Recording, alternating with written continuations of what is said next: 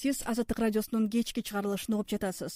Жогорку кеңеш төрагасы баш болгон жоон топ депутаттар вице премьер министр жана башка бир топ саясатчылардын кара суудагы спорттук иш чарага көчүп барышы кызыл чеке талкууну жаратып жатат. Саясий элитанын коом алдында кандай моралдык этикалык жоопкерчилиги болушу керек? Мына ушул жана башка суроолорду алдыдагы арай көз чарай берүүбүздө талкуулайбыз. Талкууну бишкек студиясынан бакыт орунбеков алып барат. Бакыт мырза кеп кезек өзүңүздө. Рахмат саламатсыздарбы урматтуу радио каармандар. Бүгүнкү биздин э, талкуубузга жогорку кеңештин депутаты мурдагы депутаты профессор каныбек усманалиев кыргызстандын толук ыйгарым укуктуу элчиси бактыгүл каламбетова жана коомдук ишмер кадыр кошалиев катышмакчы каныбек агай э, менин биринчи суроом сизге да мына жогорку кеңеш төрагасы жоон топ депутаттар э, биринчи вице премьер министр баштаган ондогон мамлекеттик жетекчилердин кара суу районундагы спорттук иш чарага катышуусу. Эмне үчүн мынчалык э, мындай кызыл чеке бир талаш тартыштуу же болбосо талкууну жаратууда?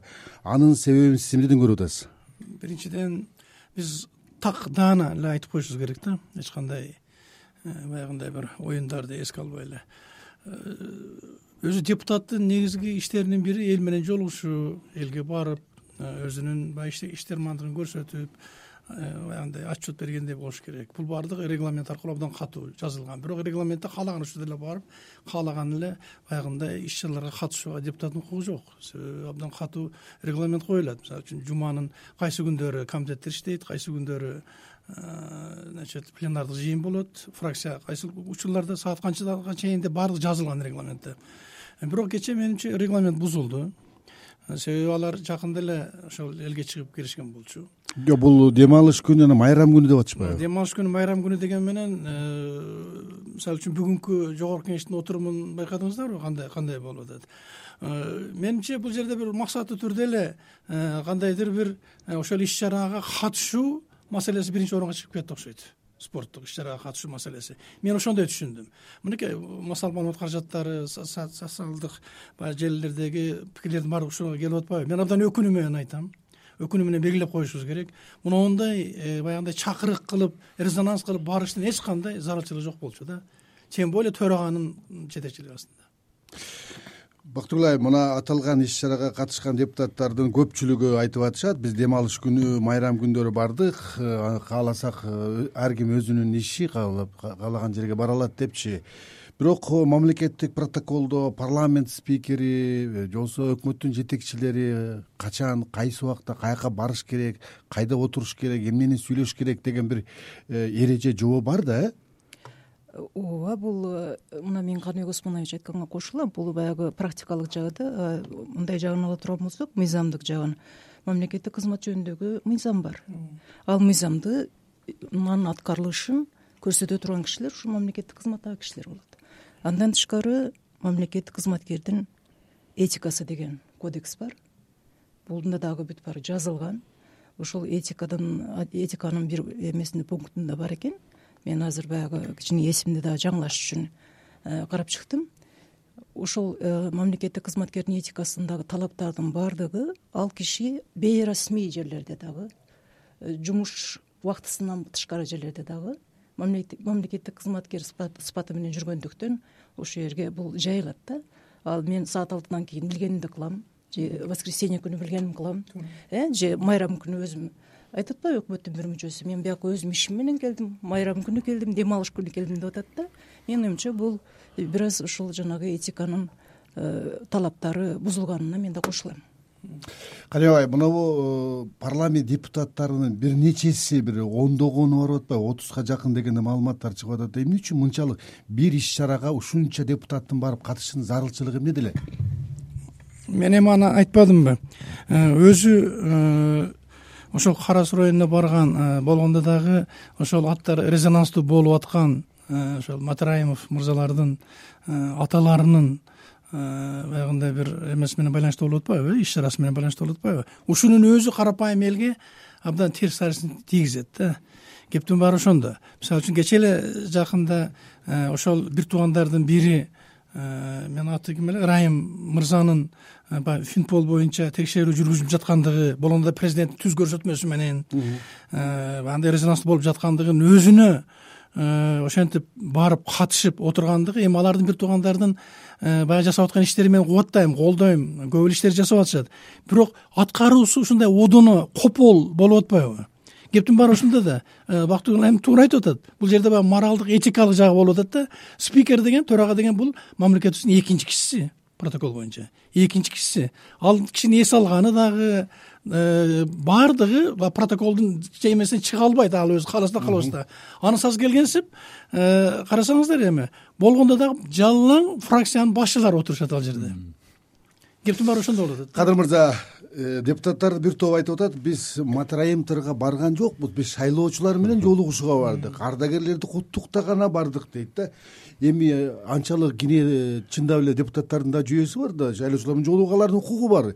Же кептин төркүнү башкадабы мына протокол жагын жакшы айтып өтүштү мен кайталабай эле коеюн. Кептин баары мындай болуп атпайбы кыргыз коомчулугунда кайсы бир э, мамлекеттик башчы президент өзү түздөн түз көрсөтмө берип бүгүнкү күндө фискалдык органдар тарабынан артынан көп сөз ээрчиген райым матраимовдун феномени жөнүндө ушу эгерде кайсы бир адамдын жамандык жакшылыгына барып бул кыргыздын салты боюнча болот эле деп койсок болот эле бул жерде экинчи жагы ошол кыргыз коомчулугунда өзгөчө талаш тартыштуу фигурага айланып турган мезгилде көчүп баргандыгы таң калтырып атат да. Андан бир төрт беш күн мурда эле биз конституцияга ылайык кыргызстандагы өлкөдөгү маанилүү маселелерди талкуулаган элдик курултай өткөрүп бийлик бутактарын дээрлик баарын чакырганбыз. Ошонун ичинде депутаттарды дагы. Бирок ушул жолу бири да келген эмес да.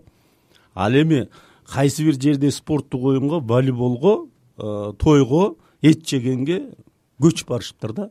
Мени ушу таң калтырып атат агай мына э, бир эле учурда мынчалык көп э, азыркы бийликтин мына жетекчилеринин аталган иш чарага барышы айрыкча э, артынан жана жогоруда айткандай көп сөз мындай шектүү бир э, маалыматтарды ээрчиткен райым матраимовду коом алдында колдоо аны коомчулуктун алдында реабилитациялоо үчүн биздин бийлик барды деген пикирлер бар да. Буга кошуласызбы? Бул пикирге кошулбай коюуга мүмкүн эмес баардык аң сезимдүү адамдардын баары кошулат ага. Анын ичинде мен дагы бармын мындай нерсе мындай жасалбайт. Раз ошондой болгондон кийин ошол матраимовдордун эң улуусу депутат мырза эле айтыш керек болчу ийниси эле. Сен буга катышууга акың жок моралдык укукка катышууга акың жок. Ал киши шанаев биринчи орунда отурбайбы депутаттардын ичинде. Биз биз элбиз да элбиз. Баягы жөнөкөй элдин ичинен айтыш керек. Мынакей бир тууганым менин бир тууганым ошо кара суунун акими. Мен болсом өзүм эң жогорку даражадагы э, мамлекеттик кызмат болгон жогорку кеңештин депутатымын. А сенин аркаңда мынандай болуп атат алтын иним мына мен аксакал катары сөзүмдү айтышым керек да мына азаттык аркылуучу. Сен ал жерде такыр эле көрүнүшкө укугуң жок. Моралдык акың жок деген сөздү айтып коюшка милдеттүү болчу искендер мырза. Кептин баары ушундай да тууган катары эле айтайынчы мен. Ошону айтып э, аны абдан жөнөкөй жупуну карапайым эле деңгээлде өткөрүп койсо болот болчу. Анан кийин ветерандарды сыйладык ветерандарды аларды ошол сөздү айткандын өзү абдан чоң одонолук тогузунчу май келе элек ар кандай нерсенин өзүнүн убагы болот бул жөн эле шылтоо болгондой болуп калды. Бактыгүл айым мына бажы комитетинин мурдагы жетекчилеринин бири райым матраимов азыркы учурда кыргыз өкмөтү менен соттошуп аягына чыкпай азыр уланып аткан мезгил. Э, ошол эле учурда өкмөт башчынын биринчи орун басары ошол шектүү адамдын э, соттошуп аткан адамдын жакшылыгына тоюна барып катышканы канчалык деңгээлде бул этикалык же моралдык бир жоопкерчилиги бар деп ойлойсуз? Э, мен бул маселеге башынан мындай деп айтайынчы ушу биринчиден эми ата эне баарыбыз үчүн ыйык. Ооба. Э, ата эне атасынын фондун ачып ошо балдары жакшы чыккан экен атасынын арбагын сыйлап э, анан атасынын арбагынын жанында жанагы ошол жердеги айыл аксакалдарына айрыкча жыл өткөн сайын катары суюлуп бараткан согуштун ветерандарын жыйнап ошол бир жакшы ниет менен уюштуруптур. Ал жагында маселе жок да эми чакырат кыргыздарчы ушу дасторкон жайганды жакшы көрөбүз биз баарыбыз. Бул элдик протоколдо бар. Э, аларда айып жок. Бирок менин оюмча ошол баргандарда айып. Чакырып койгон жерге эле бара бериш керек чакырган жерден калбаш керек деген кыргыздын бир баягы э, кичине мурдагы замандарга ылайык макалыбыз бар ошону анан бизди барбай эле ээрчитип барат да бир топ кишини ээрчитип барат ошол жагы болуп атат. Анан эми э, чындыгында бул жерде баягы конфликт интересов эми кызыкчылыктардын кагылышы болуп атат. Өкмөт менен э, формалдуу болсо дагы өкмөт менен соттошуп аткан бир тарап бар. Өкмөттүн өкүлү анан айтып атат. Мен бияка өз ишим менен келип калдым эле. Мындай уксак баары эле жөн эле барып калыптыр отуз киши ошол жака. Өздөрүнчө жүргөн экен анан баары баягы жакшы жакшылыктын тегерегинде жыйналып калыптыр деген болуп атат да бирок эми мындай мен э, мына ал жогоруда айтылгандарга кошула турган жагым ушул да. Баягы азыр э, күн тартиби кандай бизде? Кыргызстанда азыр коомчулук турмушу туурабы өлкөнүн ичиндеги эң чоң повестка кайсы? Убактысы сааты туура келбей калды да баягы ниети жакшы балдарынын атасына карата. Бирок жанагы э, баягы оор неме эмне ылаң каптаган маалда той бергендей болуп калды да. Жакшы ниети ушу бузулуп калды. Себеби мындай да чакыргандан кийин жанагы мамлекеттик протоколду мамлекеттин ичиндеги протоколду э, ушул мамлекеттик кызматта ушул жерден нан алып э, нан жеп аткан бала багып аткан кишилер бир сыйра окуп коюш керек. Туурабы этика деген ал жалаң эле жазып койгонду так аткарыш эмес өзүнүн дагы ар бир адамдын өзүн сыйлаган жагы болот өзүнүн этикасы болот. ойду улап кетейинчи ушул э, окуялар көрсөтүп атат мамлекеттик бийлик жыл сайын элден алыстап ажырым күчөп баратканы да а бул өзү бузук системанын акыркы жыйынтыгы ушуга алып келди. Партиялык принцип бул бизге жашап кыргыз кыртышына сиңип кеткен жок. Мүмкүн. Жок эле дегенде элүү элүү мүмкүн элге калтырыш керек эле элүү процентчи. Жүз процент партиялык системага өтүп анан жогорку кеңеш дагы өкмөт дагы партиялык системанын негизинде дайындалып мына булар эмки шайлоого даярдык көрүп атышат. Ошон үчүн эле көчүп барышты. Негизинен шайлоо бул акчага байланыштуу өтөт биздечи ошондуктан ушул жыйырманчы жылы келе жаткан шайлоого карата биз биринчи эрежени тактап алышыбыз керек. Конституцияны шайлоо кодексин э, өзгөртүп андан кийин анан шайлоого барыш керек да. Мына ушунун баары э, мына күзгү болуп атат. Эл бүгүнкү күндө э, бийликке караганда ойгонду реакция кылып атат ар бир нерсеге.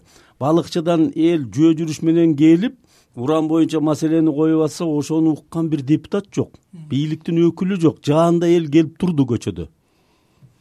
Каныбек агай мына сиз депутат болуп турган учурда э, мындай бир окуя болду эле ошо жогорку кеңештин мурдагы э, спикери э, кылмышка шектүү адам менен бир жерде чай ичип койду деп анын кызматтан алынганы ошол факты себеп болгон да. Ооба дагы эле ошондой э, учур болуп ататпы деп ойлойсузбу? Эгерде болсо анда биздин мамлекеттик бийлик бутактарынын жетекчилиги бул фактыдан кийин жоопкерчиликке каралыш керекпи? Туура туура баамдадыңыз мурдагы төраганын э, негизинен жумуштан кетиши эки миң он биринчи жылы э, ошол криминалдык чөйрөнүн ана башыларынын бири менен чогуу чай ичип жүргөндүгү чоң себеп болгон. Калгандары жөн эле баягы техникалык себептер болгон. Мен анда депутат болчумун.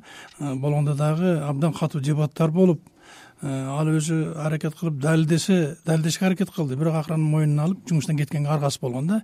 Мен ошондо буну туура эле көрүнүш эң туура болду деп деген депутаттардын бири болчумун. Себеби э, төраганын эми президенттики түшүнүктүү премьер министрдин анан алардын орун басарлары анан айрыкча депутаттардын жүрүм туруму бул элдин күзгүсү да.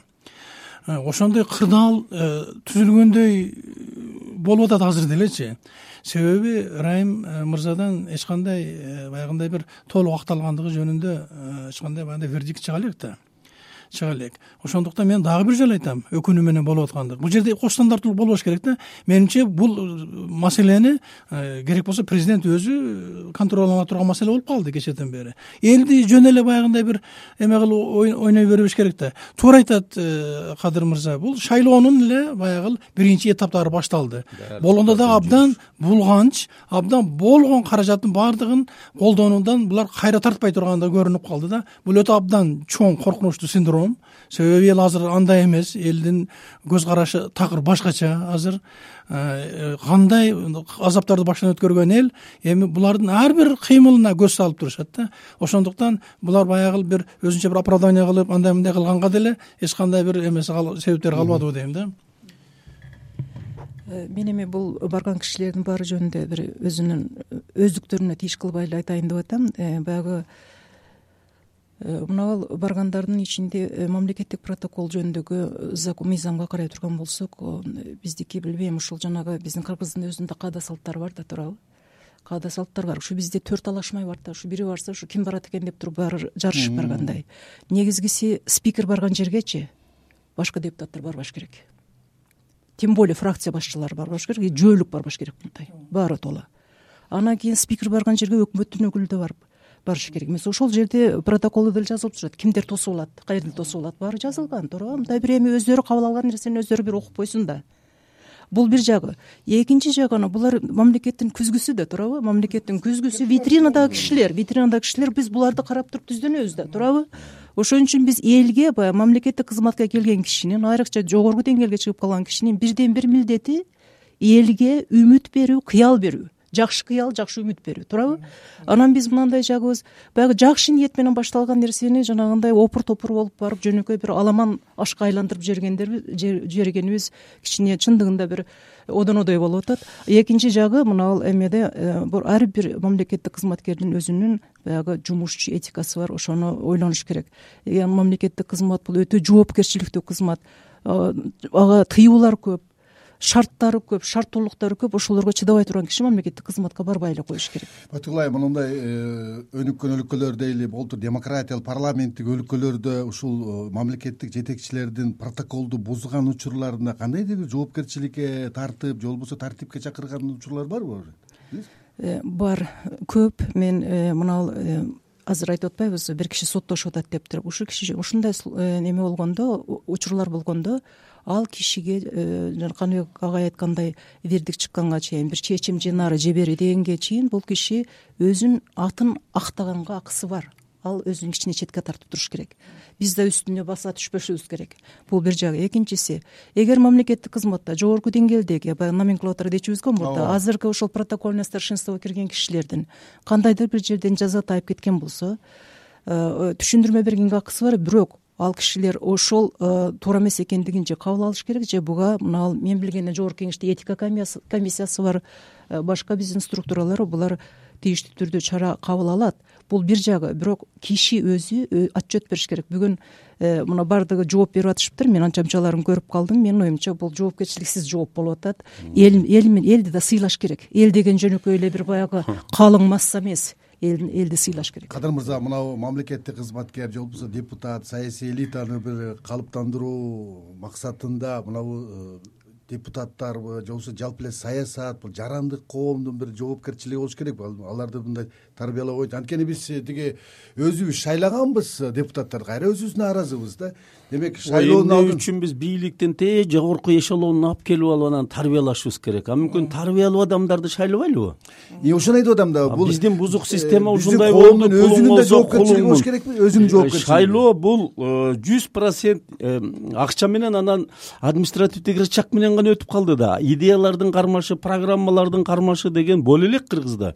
Менимче эми келе атат мына бүгүнкү күндө акаев бакиев бабанов шадиев данияр үсөновдун эмне акчабызбы атамбаев да. Бүгүн алар аброю жерге түштү. Эл бүгүнкү күндө мынакей э, күзгүдөй карап турат. Демек учур келип калды. Идея менен программалардын күрөшү болот буюрса эл өзүнө татыктуу адамдарды шайлай турган мезгил эми келди могу жөн эмес азыркы болуп аткан окуянын баардыгы ошол бир алгачкы э, элдин өзүнүн мүмкүнчүлүгү эл бийликтин ээси экендигин э, сезе баштагандыгын биз көрүп жатабыз да. Менимче мына болуп аткан окуялардын баардыгынан трагедия жасабаш керек бул бизге аябай жакшы күзгү болуп берип атат. Каныбек агай ушул мамлекеттик кызматкердин жетекчинин жоопкерчилигин арттыруу дагы эмне кылышыбыз керек бизде эгерде кечээги болгон той эле деп айтып атам мен кандайдыр бир нобель сыйлыгын алган киши же болбосо бир эбегейсиз чоң экономикалык эффект берген киши э, чакырып э, ушундай бир иш чараны өткөргөн болсо анда сөзсүз протокол боюнча керек болсо президент өзү барыш керек анын баардыгы нормалдуу эле көрүнгөн эле нерсе. Эми ал кишилердин аркасынан кандай сөздөр жүрүп аткандыгын баарыбыз билебиз да. Ылайым эле ак болушсун ылайым эле баары жакшы болсун таза эмгек болушсун таза эмгек кылышсын. Э, кептин баары ошондой болуп атпайбы. Ушул эки миң жыйырманчы жылдагы карата эле болуп аткан иш аракеттер болуп атат да. Мынакей партиялык э, тизме партиялык система деп э, баягындай нааразы болуп атабыз. Биз партиянын нукура баалуулуктарын нукура күчүн кыргызстанда жасай элекпиз бул жөн эле бир кишинин айла чекесиндеги бир партия лидеринин айла чекесинде болуп аткан эле кыргызчалык эле оюн болуп келе жатат. Ошондуктан менимче Э, мамлекеттик кызмат андан кийин депутаттардын э, имиджин ушулардын баардыгы болуп көрбөгөндөй төмөнгө түшүп девальвация болуп кетти да. Кептин баары ошондо болуп атат каныбек агай мына дагы бир эметеличи биз этикалык моралдык жагын айтып атпайбызбы мына кечээ отузга жакын депутат ушул учак менен барышыптыр. Көпчүлүгүчү э, депутаттардын көпчүлүгүндө ушул кыргызстандын ички авиа каттамдарына бекер жүрүү деген жеңилдик бар дейт. Сиз алардын баарынын эсеби бар алардын баарынын эсеби бар. материалдык дагы чыгым кетип атпайбы эсеби бар. Бир эме кызматтык машинасын дачага минип койгондугу үчүн кетип атат отставкага мындай да мындай да. Мына башында өзүңүздөр эле айттыңыздар э, кимиңиздер айттыңыздар мен майрам күнү барганмын ооба. э, жумуш жок күнү барганмын ошонун баарын текшерип эле койсо болот. алыш керек анда. Эгерде ошонун баарын текшерип майрам күндөрү барса. текшерип койсо болот ошонун өзүн элечи. Э, баягындай ушунун баардыгы өзү эле келип баягы келип келип өздөрүн көрсөтүштүн эле аракетинде болгон нерсе бактыгүл айым сиз да улант бериңиз. Канткенде биз мамлекеттик кызматкердин жоопкерчилигин арттырабыз. Жоопкерчиликтин баардыгын бийликтеги эле шылтабай. Мүмкүн жалпы коомду даярдаш керек шайлоочулар. Шайлоону даярдаш керек ооба менин оюмча коом даяр. Туурабы биз ушул жанагы бир жакшы сөз бар эл алдыда барат ооба бизде этибар деген бар. Бири бирибизди сыйлаганды үйрөнүшүбүз керек да мен кечээ карап отуруп мындай деп атам да биз бул баягы элди наркы жагына коюп коюп туруп э, элдин ичинен чыккандай э, бир кызматка тургандан кийин элден ажырап калгандай бир сезим калтырат да. Менин оюмча эл менен кайнашып аралашыш керек. Анан эми мынаны баягы жамандык болбой жакшылык болбойт дейт э. Мындай нерселер ошо уланбай элек болуп берип атат да элек болуп берип атат. Өздөрүн көрсөтүп э, көрүнүп калып атат анан эми баягы дагы бир нерсе бар да. Ушу биз э, ушул начар деп сындап атып эле буларды жүдөтүп салдык деп да ойлойм да. Ушул сын көп болуп атат. Туурабы жаман деген сайын жаман боло беришет бирок чыйрабызсың да э, чыйралыш керек. Чын ошого эми чыйралыш үчүн этибар көңүл буруш керек да кунт коюш керек бул. Эмнеге мындай болуп атат. Анан жанагындай эле мен биякта үч төрт күндөн бери жүрөт элем ушул жерде бир эл чогулуп калыптыр деп кошулдум деп атат силердин бир коллегаңар туурабы. Эми ал жерде жөнөкөйү жок. Баарын сыйлайбыз тааныйбыз баарын билебиз дегендей да бирок эми бир э, чекилик болуп калыптыр. Менин оюмча мындан жакшы жыйынтык чыгат эл да э, бир көрүп алды. Кимге тагдырын тапшырганын. Туура туура жакшы айттыңыз. Кандай чекилик э, кандай жыйынтык чыгарыш керек?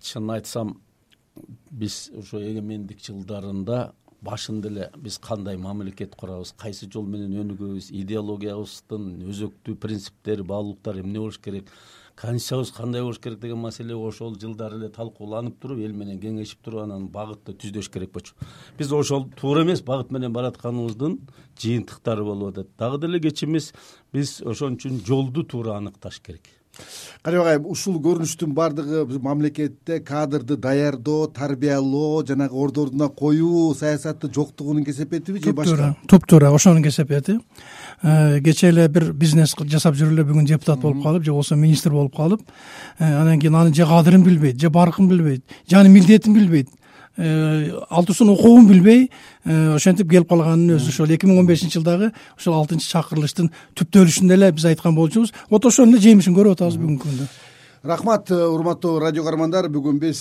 кыргызстандын саясий элитасынын коом алдындагы кандай саясий моралдык этикалык жоопкерчилиги болуш керек деген теманын тегерегинде кеп кылдык. Бүгүнкү биздин талкуубузга жогорку кеңештин мурдагы депутаты профессор каныбек усманалиев кыргызстандын толук ыйгарым укуктуу элчиси бактыгүл каламбетова жана коомдук ишмер кадыр кошалиев катышты. Берүүнү мен бакыт оорунбеков алып бардым. Саламатта калыңыздар